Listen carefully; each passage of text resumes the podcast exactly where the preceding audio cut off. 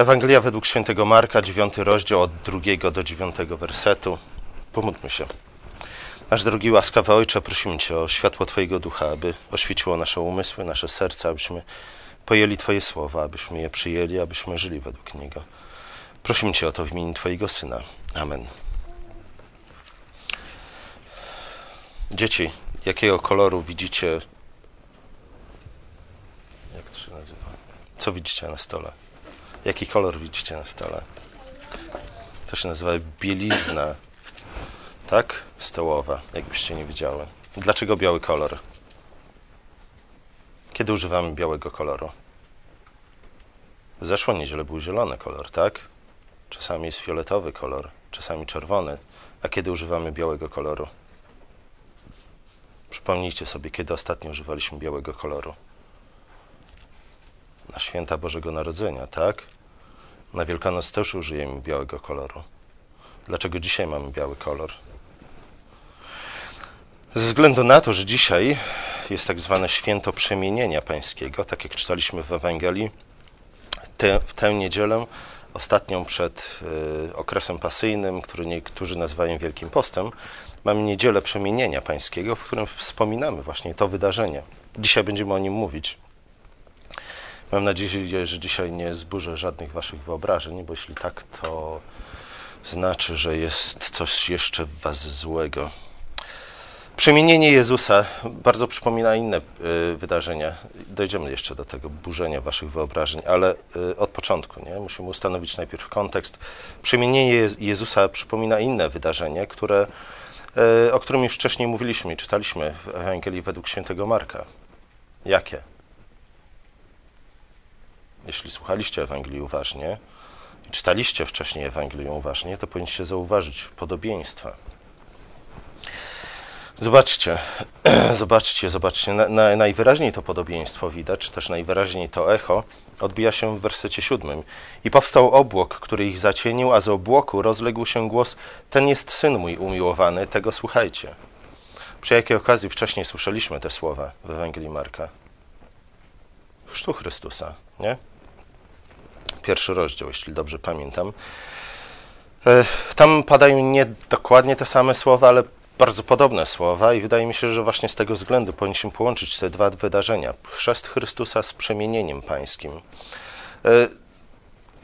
Przy okazji chrztu Chrystusa miało miejsce, jeszcze, miało miejsce jeszcze inne wydarzenie, bardzo ważne, bardzo istotne w kontekście chrztu, w kontekście całej Ewangelii. Pamiętacie, chrzest jest powołaniem Chrystusa do misji, jaką miał spełnić, yy, będąc na ziemi.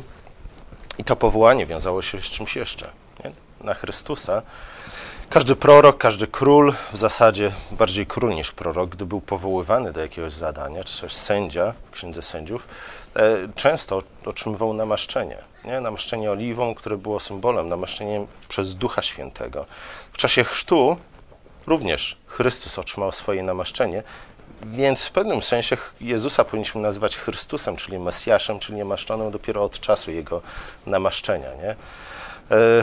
Zwyczajowo mówimy o Jezusie Chrystusie w odniesieniu do każdego okresu Jego życia, ale, ale Jezus stał się Chrystusem czyli Mesjaszem w dniu swojego chrztu, bo wtedy właśnie został namaszczony Duchem Świętym do swojego szczególnego dzieła. Tu na górze przemienienia wprost nie widzimy tego. Nie, nie widzimy żadnej gołębicy, nie widzimy tak wyraźnie, jak przy okazji chrztu stąpienia Ducha Świętego, ale gdzie powinniśmy dostrzec tego Ducha na górze przemienienia. W czym on się uwidacznia? Mamy do czynienia z podobnymi wydarzeniami, ale nie są, nie są takimi samymi. Nie? To nie jest dokładnie to samo. Przemienienie Chrystusa ma miejsce trochę później. Przemienienie Chrystusa ma miejsce już po zapowiedziach ukrzyżowania i zmartwychwstania Chrystusa. Przemienienie Chrystusa ma miejsce w czasie, gdy Chrystus już objawił swoją moc, gdy już wiele napis, na, nauczał, gdy w związku z tym narósł bardzo, bardzo wielki i wyraźny konflikt między nim a, jego przeciwnikami. Duch stępujący w postaci gołębicy, duch stąpił na Jezusa w postaci gołębicy, w postaci gołębicy. Dlaczego w postaci gołębicy? Nie? Gdy patrzymy na gołębicę, zachwycamy się. Ja wiem, że są ludzie, którzy, którzy trzymają gołębie. Nie? Ostatnio spotkałem takiego gościa, jak on zaczął opowiadać o swoich gołębiach, to, to mógłby nie tylko godzinami, dniami, ale miesiącami opowiadać o gołębiach. Gołębiów miał chyba ze 2000. Sprawiał wrażenie, jakby wszystkie je znał po imieniu. E, niektóre z tych gołębi kosztowały kilka tysięcy euro. To miało miejsce w Niemczech. E, I rzeczywiście, nie? Dla, dla tego człowieka gołąb jest zwierzęciem najbardziej chwalebnym. Nie? Tak jak my byśmy powiedzieli, że najbardziej chwalebnym, wielkim, groźnym zwierzęciem jest, nie wiem, lew, smok, ewentualnie pies. Ale gołąb, nie, w gołębie nie, nie widzimy żadnej szczególnej chwały, nic wielkiego, nic potężnego. To oznacza, nie, nie tylko ze względu na nasze skojarzenia, ale ze względu na kontekst biblijny, duch, który stępuje na Chrystusa w postaci gołębicy, e, stępuje w postaci uniżonej. Nie, nie ma nic szczególnie wybitnie chwalebnego, jeśli chodzi o gołębicę. Widzimy to e, na przykładzie ofiar, e, które były składane w Starym Przymierzu. Nie? Była przewidziana ofiara z gołębia, ale to była taka ofiara zastępcza, nie? ofiara dla ludzi, którzy, których nie stać było na nic lepszego. Nie? Najbardziej chwalebnym zwierzęciem ofiarnym był oczywiście wół, e, składany, e, składany przy szczególnych okazjach, między innymi w Dniu Pojednania, nie? Ale, ale w gołębiu nie ma nic, nic bardzo chwalebnego, nie? nic czym moglibyśmy się, my normalni ludzie, zachwycać dłużej niż przez 5 minut. E, więc przy okazji chrztu Chrystusa duch wstępuje na Chrystusa w postaci, którą moglibyśmy nazwać postacią uniżoną, nie? postacią pokorną. Tu jednak jest coś innego. Nie? Gdy widzieliśmy Chrystusa, który wychodził z wody po chrzcie, jakiś gołąb usiadł mu na głowie czy na ramieniu. Nie? Niekoniecznie, przynajmniej nie naszymi normalnymi, cielesnymi oczami, ujrzelibyśmy yy, Chrystusa w Jego chwale. Nie? Co prawda słowa, które dobiegły nas z nieba, e, świadczyło Jego chwale, ale, ale te słowa nie do końca, jakby to można powiedzieć, korelowały z tym, co widziały nasze oczy. Tu, na Górze Przemienienia, sytuacja jest trochę inna. Więc znów moje pytanie, gdzie widzimy Ducha Świętego na Górze Przemienienia? Bo On tam jest obecny. Nie? Mamy głos Ojca, który dobiega z góry, powtarza bardzo podobne słowa, które słyszeliśmy w czasie chrztu, mamy Chrystusa w szczególnej postaci, o czym za chwilę będziemy mówić, powinniśmy też znaleźć tam ducha. Gdzie jest duch? Jeśli mówimy e, o tym, że, że to wydarzenie jest wydarzeniem szczególnym, że jest wydarzeniem, w którym Chrystus objawił swoją chwałę, to też powinniśmy doszukiwać, poszukiwać postaci ducha, która jest o wiele bardziej chwalebna niż e, zwykła gołębica. Więc gdzie jest duch? Jeszcze raz mam przeczytać ten fragment. Nie, nie będziemy czytać. Czas ucieka. E, obłok chwały, nie? który zacienił Chrystusa i, i kogo? Mojżesza i Eliasza. Skąd wiemy, że ten obłok chwały jest, e, jest Duchem Świętym, czy też jest postacią, pod której objawił nam się Duch Święty? Choćby stąd, Marek, Marek wprost tego nie mówi, nie? ale Marek oczywiście zakłada, że, że znamy dość dobrze Pismo Święte, przynajmniej te pisma, które zostały wcześniej napisane i czytaliśmy przynajmniej raz kiedyś w życiu księgę, księgę Ageusza. I właśnie tam Ageusz e, wprost stwierdza, iż obłokiem, obłokiem chwały, obłokiem, który zamieszkiwał namiot zgromadzenia i później świątynię, jest nikt inny jak właśnie Duch Święty. Tam w tym fragmencie, to jest drugi rozdział, piąty werset Księgi Ageusza, znajdujemy wprost to stwierdzenie, ale gdybyśmy czytali Pismo Święte nie, z otwartymi oczami, to byśmy już wcześniej zauważyli, że, że właśnie obok chwały wiąże się z Duchem Świętym od samego początku. Zatem podczas chrztu Duch stąpił na Chrystusa post w postaci, którą moglibyśmy nazwać uniżoną i pokorną. Tu na górze przemienienia widzimy Ducha, który przybiera postać obłoku chwały. Nie? Całe wydarzenie na Górze Przemienienia jest szczególnym wydarzeniem, bo tam Chrystus przez, przez chwilę widzimy Chrystusa innego niż zazwyczaj w Ewangeliach. Nie do końca, bo podobnego Chrystusa ujrzymy później, po śmierci. Nie? Chociaż też nie całkiem tak, jak widzieliśmy go, czy też jak uczniowie widzieli go na, na Górze Przemienienia. To że, to, że słusznie identyfikujemy ten obłok chwały z Duchem Świętym, potwierdzają na przykład obecność Mojżesza. Nie? A zwłaszcza pytanie Piotra o to, czy ma rozbić trzy namioty. Nie? I znów, duch to jest obłok zamieszkujący namiot zgromadzenia. E, Piotr pyta, czy, czy ma rozbić trzy namioty. Nie? Oczywiście nie trzy, trzy namioty dla siebie, Jana, Jana i Jakuba, ale trzy namioty dla Jezusa, Mojżesza i Eliasza. Ten blask, szczególny blask, bił od wszystkich trzech, od Jezusa, Mojżesza i Eliasza. Piotr założył, że, że bije od nich obecność, czy też moc Bożego Ducha, i w związku z tym powiedział, czy mam rozbić namioty. Nie, nie, nie, chodziło o to, żeby te namioty rozbić po to, żeby oni mogli tam zamieszkać, czy też żeby ich, nie wiem, słońce nie przypiekło za bardzo, albo deszcz nie zmoczył. Chodziło o to, że, że dla normalnego Hebrajczyka, czy też Żyda, było to normalne, iż Boża chwała powinna zamieszkać w namiocie. Nie? I to znów, nie namiocie może takim, jakim my sobie rozbijamy na biwaku, ale chodziło bardziej o skojarzenie z namiotem zgromadzenia, który Bóg miał zbudować. Zresztą jeśli byśmy przebadali oryginalne teksty, to, to zauważylibyśmy, że, że Piotr posługuje się to słowem greckim, które w greckim tłumaczeniu Starego Testamentu jest e, odnoszone do e, namiotu zgromadzenia, czyli przybytku. Moglibyśmy też powiedzieć co nieco na temat Oliasza i jego związku z duchem. Nie? Ten związek jest oczywisty nie do końca w naszych tłumaczeniach, w, w Biblii warszawskiej, zwanej Brytyjką, tam czytamy o tym, że gdy, gdy Eliasz został zabrany do nieba na, na rydwanie, yy, zostawił Eliaszowi kilka prezentów, nie? i między innymi połowę swojego ducha. Tak naprawdę chodzi tam o podwójną część swojego ducha. Eliasz otrzymał podwójną część ducha w stosunku do, do ducha, którego posiadał nie, Elizeusz w stosunku do tego, co posiadał Eliasz. Eliasz w związku z tym był większym prorokiem niż Eli, y, Elizeusz był większym prorokiem niż Eliasz. Tak jak uczniowie w dziejach apostolskich dokonują większych cudów niż, niż dokonywał ich Jezus, kiedy żył tu na ziemi. A zatem, gdy widzimy Jezusa na górze przemienienia, widzimy powtórzoną scenę, y, czy też scenę, która, przypomina nam E, scenę chrztu Chrystusa, słyszymy głos Ojca z nieba, widzimy Ducha Świętego, który objawia się tym razem nie w bardzo pokornej postaci gołębicy, ale w postaci obłoku, obłoku chwały. I widzimy Chrystusa, który nie wygląda jak po prostu zmoczony człowiek, który wychodzi z rzeki, ale, ale który swoim blaskiem od razu każe Piotrowi myśleć o Mojżeszu, który zstąpił z góry, i którego twarz tak świeciła Bożą, Bożą chwałą, czy też odblaskiem Bożej chwały, że musiał zakrywać swoją twarz, e, od razu myśli Piotra powędrowały do namiotu zgromadzenia i tak dalej, i tak dalej. Widzimy Chrystusa w szczególnej postaci. Związek pomiędzy chrztem a górą przemienienia jest następujący.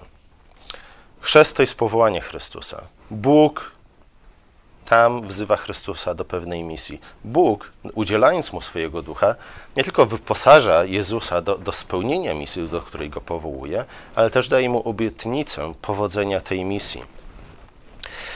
E, tu na górze przemienienia znajdujemy potwierdzenie tych obietnic Bożych, potwierdzenie powołania Chrystusa, wyposażenia go do misji, do której Ojciec go powołał. E, w okamgnieniu ciało Chrystusa przemieniło się z doczesnego ciała w ciało nieśmiertelne. Nie? Bo, bo to jest to, co uczniowie zobaczyli. Z ziemskiego ciała w niebiańskie ciało. W okamgnieniu Chrystus stał się takim, jaki, jakim później uczniowie go, go ujrzeli po śmierci i zmartwychwstaniu. Ujrzeli go w jego ciele nieskażonym, pełnym chwały, pełnym mocy. Nie? Na tym polegało to potwierdzenie wcześniejszego powołania i obietnic, które Bóg dał ojciec dał swojemu synowi w dniu chrztu. Nie? Ojciec przyznał się do jego syna, potwierdził go w połowie jego misji i powiedział: Tak, nie? dobrze czynisz, kontynuuj swoje dzieło. Nie tylko Chrystus, ale jego uczniowie mogli ujrzeć ten cel, do którego Chrystus zmierzał, a wraz z nim wszyscy jego uczniowie, moglibyśmy powiedzieć całe stworzenie. Pamiętajmy o tym, w jakim kontekście Chrystus zabrał swoich uczniów na górę przemienienia. Odbyło się to zaraz po tym, gdy Chrystus po raz pierwszy zapowiedział swoją śmierć, mękę śmierci i zmartwychwstanie, e, która wywołała w Piotrze, pamiętam jaką reakcję. Piotr powiedział, zabrał Jezusa na, na bok i powiedział, Jezu, nie przyjdzie żadna z tych rzeczy na ciebie, nie? Nie obawiaj się, jakoś to będzie, jakoś załatwimy, że nie będziesz musiał umierać na krzyżu. Wtedy Chrystus e, zganił go, nazwał go szatanem, powiedział idź precz ode mnie szatanie. I zaraz potem powiedział, słuchajcie, jeśli ktoś chce przyjść, pójść za mną, niech zaprze się sam, samego siebie i weźmie krzyż mój i naśladuje mnie, bo kto by chciał duszę swoją zachować, utraci ją, a kto by chciał utracić duszę swoją dla mnie i dla Ewangelii, zachowa ją. Albowiem cóż pomoże człowiekowi, choćby cały świat pozyskał, jeśli a na duszy swojej szkodę poniósł, albo co da człowiek w zamian za duszę swoją i tak dalej, i tak dalej, i tak dalej. I później zaraz jest, zabiera ich na górę przemienienia nie? i ukazuje im się przez chwilę w tej postaci, jaką przybierze na stałe po śmierci i zmartwychwstaniu. Na górze przemienienia uczniowie na chwilę mogli ujrzeć Chrystusa zmartwychwstałego, który jest, nie? w którym widzimy przeznaczenie całego świata. W zmartwychwstałym Chrystusie widzimy nie tylko to, kim my będziemy, dokąd my zmierzamy, jeśli podążamy za Chrystusem, ale widzimy całą przyszłość świata, przyszłość stworzenia. Dlaczego, dlaczego Chrystus to uczynił? Nie? Oczywiście mogliśmy powiedzieć po to, żeby, żeby ich zachęcić. Po to, żeby uczniowie zniechęceni, zwłaszcza Piotr, zniechęceni zapowiedzią męki pańskiej, e, nabrali otuchy i, i odważnie e, szli za nim. E, I rzeczywiście tak jest. I rzeczywiście tak jest. Zaraz, gdzieś się pogubiłem.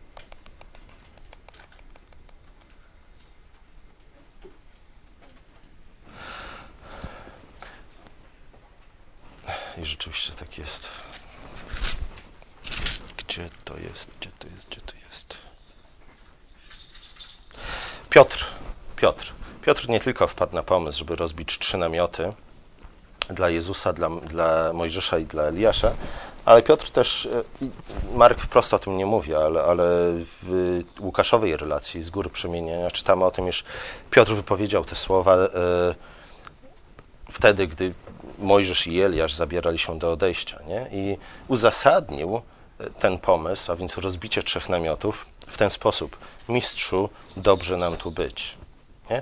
Przez chwilę więc wydaje się, że, że cel Chrystusa jest zagrożony. Chrystus zabrał swoich uczniów na górę przemienienia po to, aby ukazać im to, do czego on sam zmierza i dokąd, do czego zmierzają ci, którzy y, idą za nim, a więc jego uczniowie. Ale Piotr w którymś momencie stwierdził, osiągnęliśmy już cel, nie? Jesteśmy tam, gdzie dokąd zmierzaliśmy. Doszliśmy do końca drogi. Mistrzu, dobrze nam tu być. Nie? Chciał zatrzymać tę chwałę, którą zobaczył w obliczu Chrystusa, Mojżesza i Eliasza na tej górze. Dlatego też pomysł zbudowania namiotów. I chciał zostać tam. Nie? I teraz, jeśli pomyślimy o tym, o czym mówimy od, od kilku ładnych tygodni czy też miesięcy na naszych katechezach, to powinno też, ten obraz powinien też e, odbić się w naszych uszach jakiś, jakimś echem. Nie? Jesteśmy na górze. Mamy Chrystusa, mamy chwałę Bożą. E, chcemy zbudować dla niej dom, chcemy tam zostać już na zawsze. Nie? Ogród, który był na górze, w którym był Bóg wraz ze swoim duchem. Dobrze było nam zostać w raju, nie? Niestety Bóg nas wyrzucił stamtąd. Potem próbujemy odzyskać ten raj, na przykład budując wieżę Babel, ale okazuje się on fałszywym rajem. Później nie? obrazem ogrodu i świętej góry jest oczywiście namiot zgromadzenia i świątynia. To wszystko są miejsca, w których chcemy przebywać, ze względu na to, że oznaczają one bliskość Boga, oznaczają one obecność Bożej chwały, oznaczają one obecność wszelkich skarbów nieba.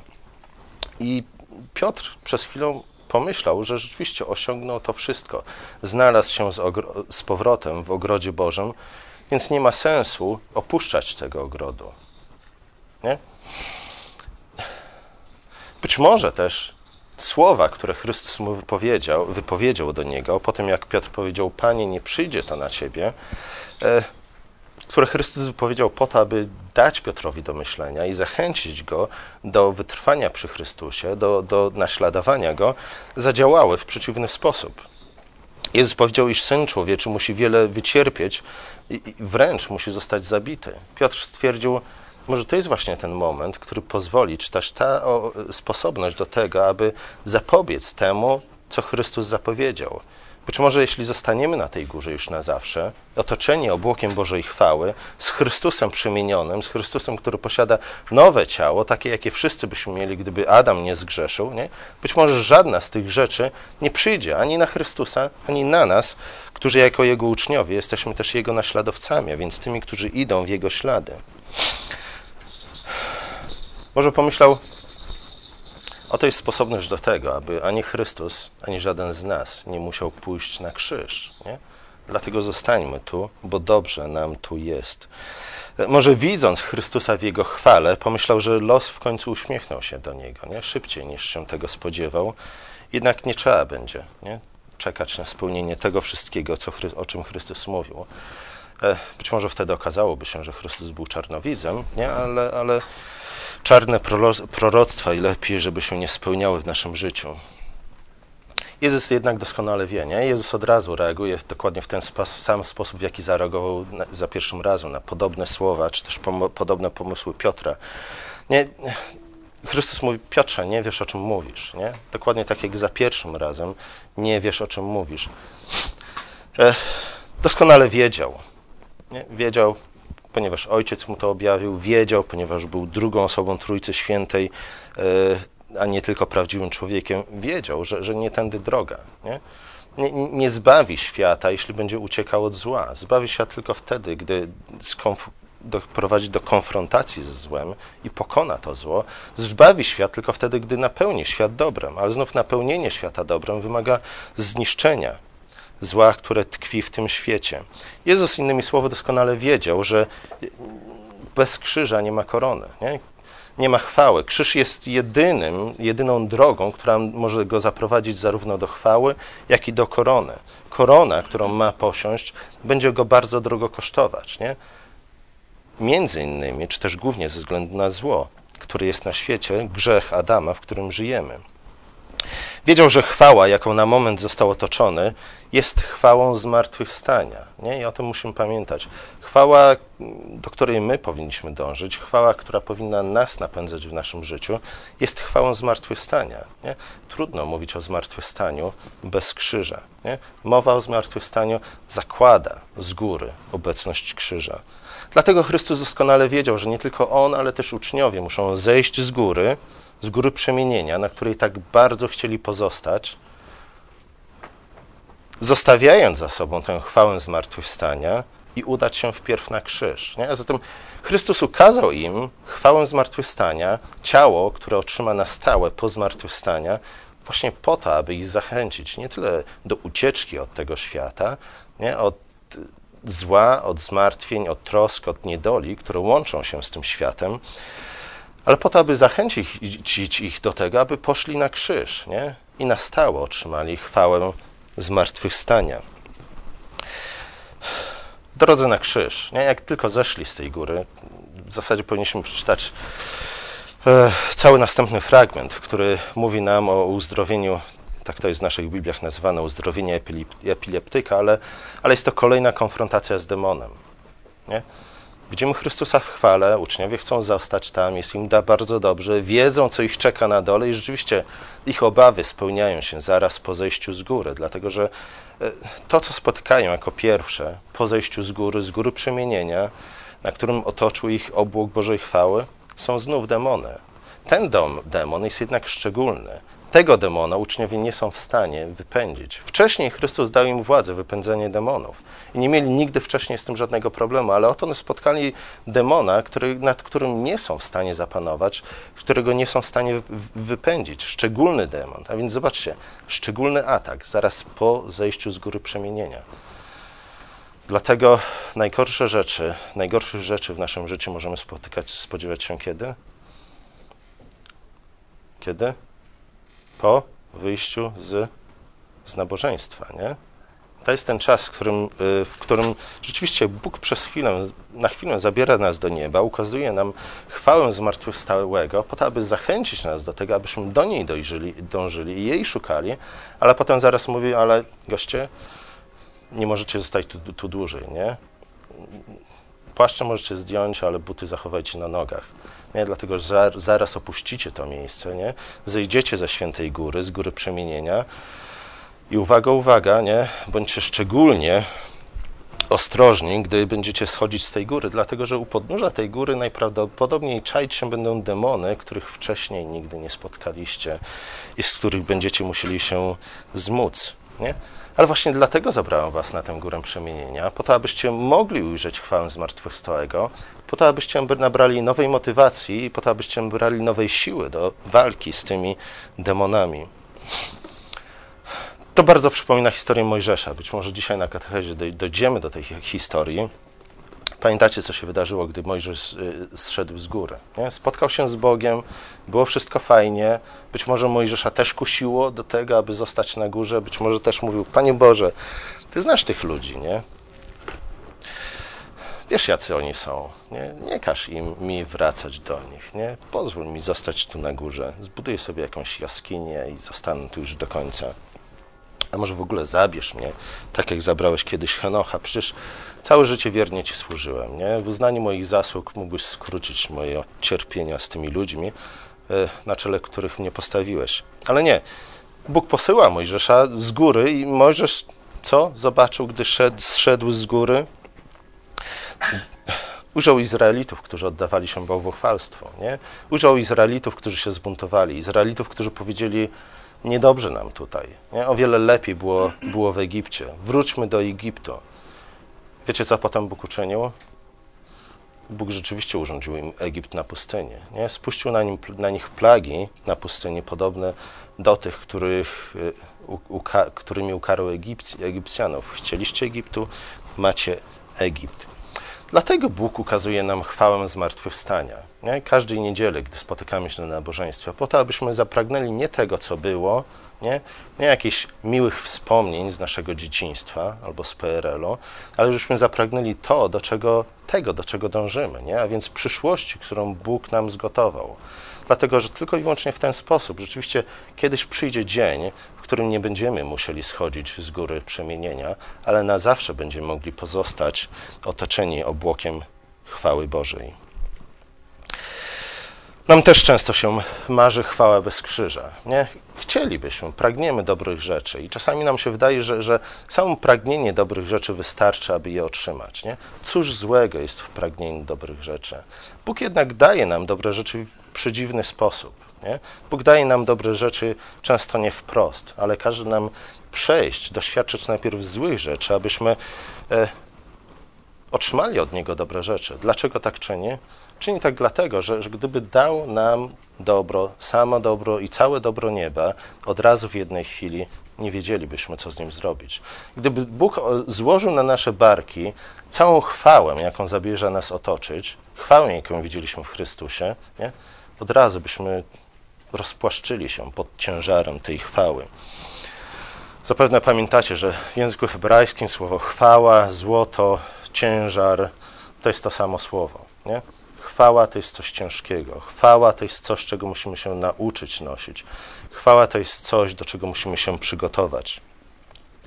Zobaczcie, gdybyśmy mieli do wyboru bogactwo wygrane na lotarii, nie? ostatnio jaka była kulminacja? Pamiętacie? Nie będę pytał się, czy ktoś grał z Was, ale pamiętacie? 34 miliony złotych. Kto z Was chciałby tak z dnia na dzień zbogacić się o 34 miliony złotych? Przyznajcie się, bez zbicia. Nie? Jedna uczciwa osoba w tym gronie się znalazła, nie? Dlaczego byśmy chcieli? Nie dlatego, że, że od razu byśmy polecieli do sklepu, kupili sobie nowe ciuchy w przypadku kobiet, albo nowe gadżety w przypadku mężczyzn, nie? E, ale dlatego, że, że jak wiele dobrego moglibyśmy uczynić, nie? Przy pomocy tych pieniędzy. 3,5 miliona złotych moglibyśmy oddać jako dziesięcinę dla kościoła, nie? Pomyślcie, jaki, pomyślcie, jaki budynek moglibyśmy sobie kupić w centrum Poznania dzięki takiej ofiarności, nie? Dlaczego Bóg nikomu z nas nie wręczył tego losu na loterii w zeszły czwartek? Słucham? Gdybyśmy mieli do wyboru bogactwo wygrane na loterii z jednej strony, a z drugiej strony bogactwo zdobyte pilną, długotrwałą pracą całego życia, co byśmy wybrali? Loterię. Salomon, oczywiście pamiętamy o tym, że Salomon powie, nauczył nas wiele dobrego, nie? ale sam niewiele się nauczył. Zgadza się? E, także to, że to przysłowie poznamy, jest w tym jakaś wartość, nie? ale to jeszcze nie ustrzeże nas od popełniania błędów. Salomon powiedział kiedyś, łatwo zdobyty majątek maleje. Mógłbyś to przetłumaczyć też, łatwo zdobyty majątek ucieka. Kto stopniowo gromadzi, pomnaża go. Nie? A więc kto, gdybyśmy mieli do wyboru bogactwo wygrane na loterii i bogactwo zdobyte, zdobyte pilną pracą całego życia, co byśmy wybrali? No, pismo jest tutaj jednoznaczne. Nie, że ekskomunikujemy was, gdy kiedykolwiek kupicie jakiś los na loterii, a nawet gdy zagracie w pokera na zapałki, nie o to chodzi, nie? Ale, ale chodzi o podejście do życia, nie?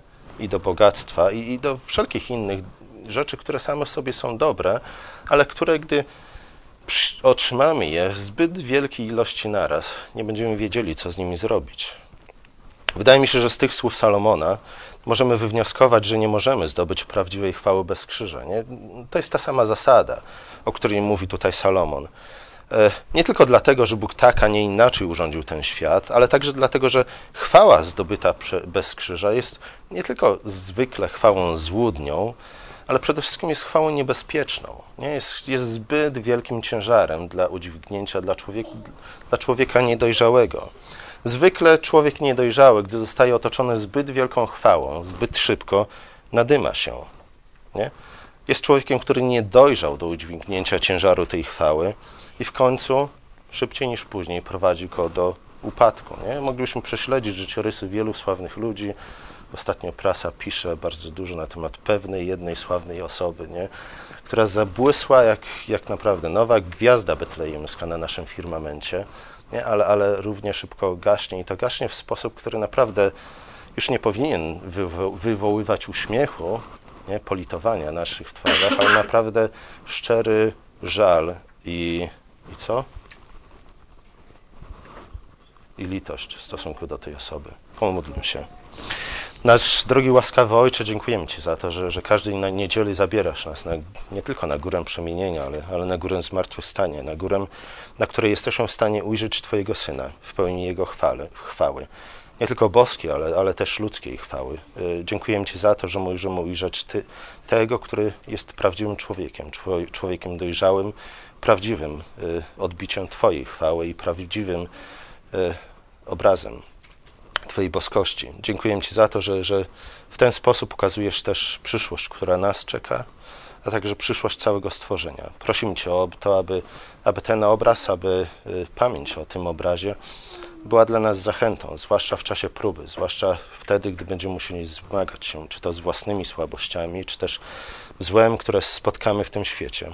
Prosimy Cię o to, aby y, obraz Chrystusa zmartwychwstałego był, był zachęceniem dla nas do tego, abyśmy, tak jak On, e, dążyli do prawdziwej chwały, e, idąc do niej poprzez krzyż. Prosimy Cię, pomóż nam e, nie tylko brać, ale też nosić nasz krzyż tak wiernie, jak uczynił to Twój Syn. Nie dlatego, że w ten sposób odkupimy nasze czy cudze grzechy, ale dlatego, że w ten sposób dojdziemy do prawdziwej chwały, którą przygotowałeś dla nas. Amen.